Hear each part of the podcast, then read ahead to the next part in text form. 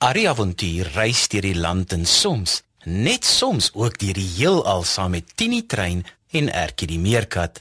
Hy's bang vir niks en saam met sy maats verskaf hulle vermaak aan groot en klein. Klim op, maats, die storietrein gaan vertrek. Tini is 'n stoomtrein op sy eysterspoor. Arrie is sy passasier, hy soek avontuur. Die Bybel is hul kompas, dit hou hul op die spoor. Van alles wat met jou gebeur, kan jy by hulle hoor. Ertjie is 'n maatjie, 'n meerkat van die veld. Karosie is 'n stoute aap, hy doen gewone kwaad. Ertjie en Karosie en Arrie ook daarbey. Is almal net so spesiaal, so spesiaal soos jy. Kom nou maat skuif nader, luister bietjie daar. Is dit dalk die Tini trein wat ek daar gewaar?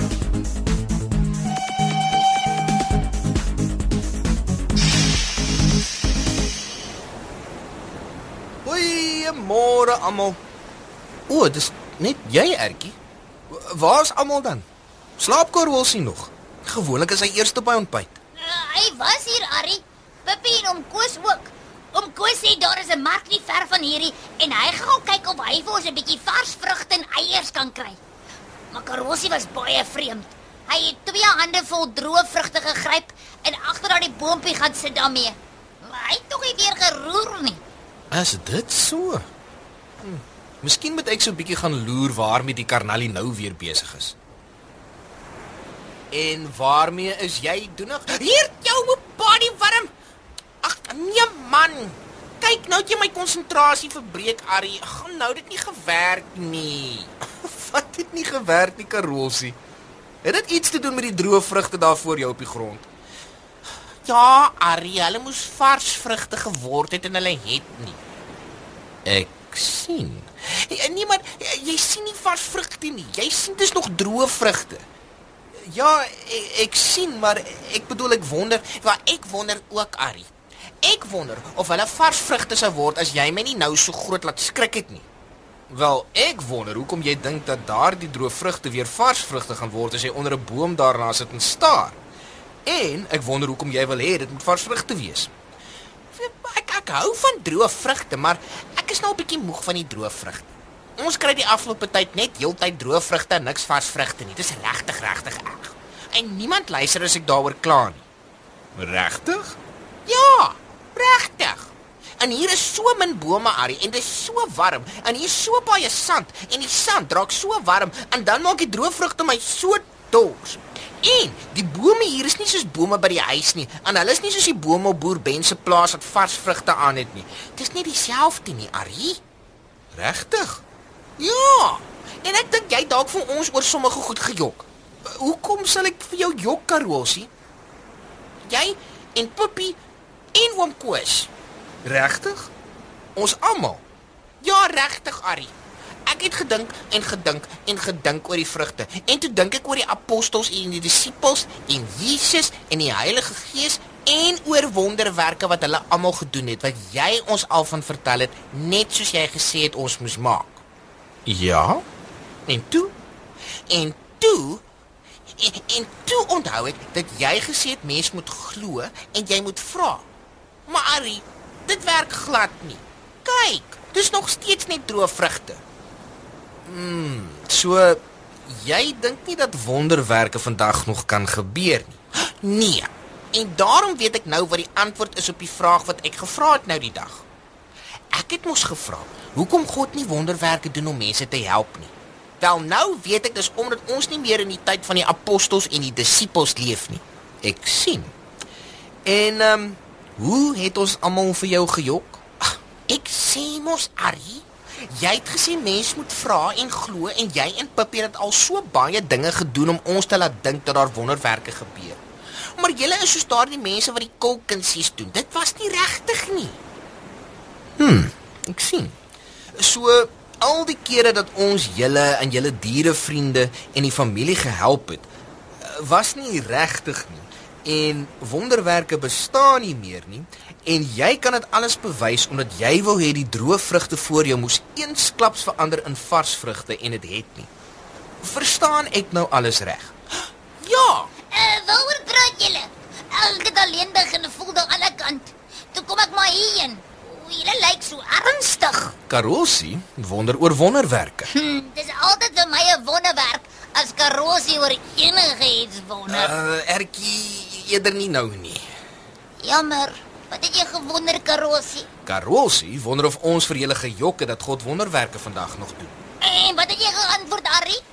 Baie mense wonder ook daaroor en soms is dit moeilik om te verduidelik. Maar ek sal probeer.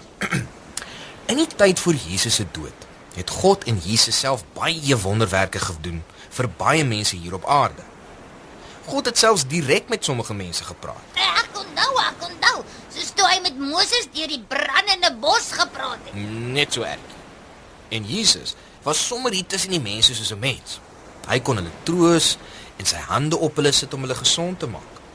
Al die wonderwerke was nodig om die disippels te help versterk in hulle geloof vir die tyd na Jesus se dood, wanneer hulle sou moes voortgaan met Jesus se werk. Mense van daardie tyd het ook tekens nodig gehad om hulle te help verstaan dat Jesus wel die seun van God was en geen gewone mens nie.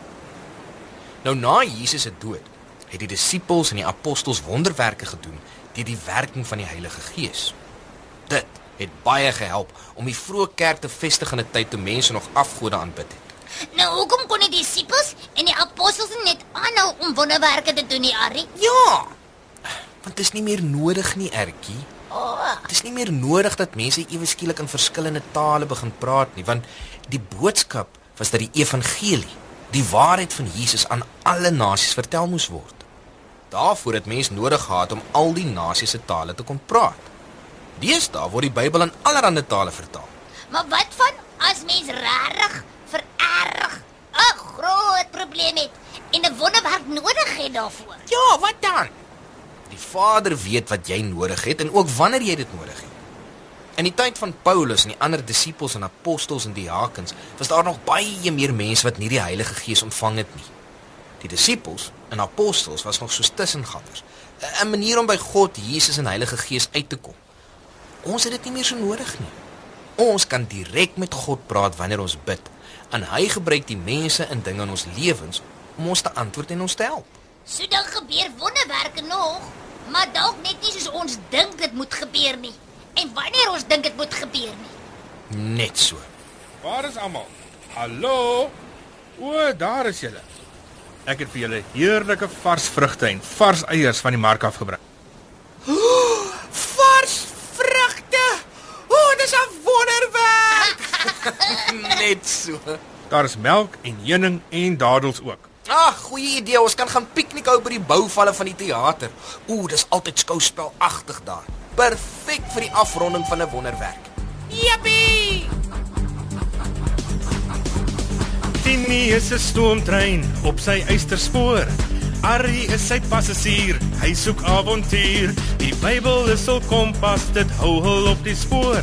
Van alles wat met jou gebeur, kan jy by hulle hoor. Erkie is 'n maatjie, 'n meerkat van die veld. Karosie is 'n stoute aap, hy doen gewone kwaad.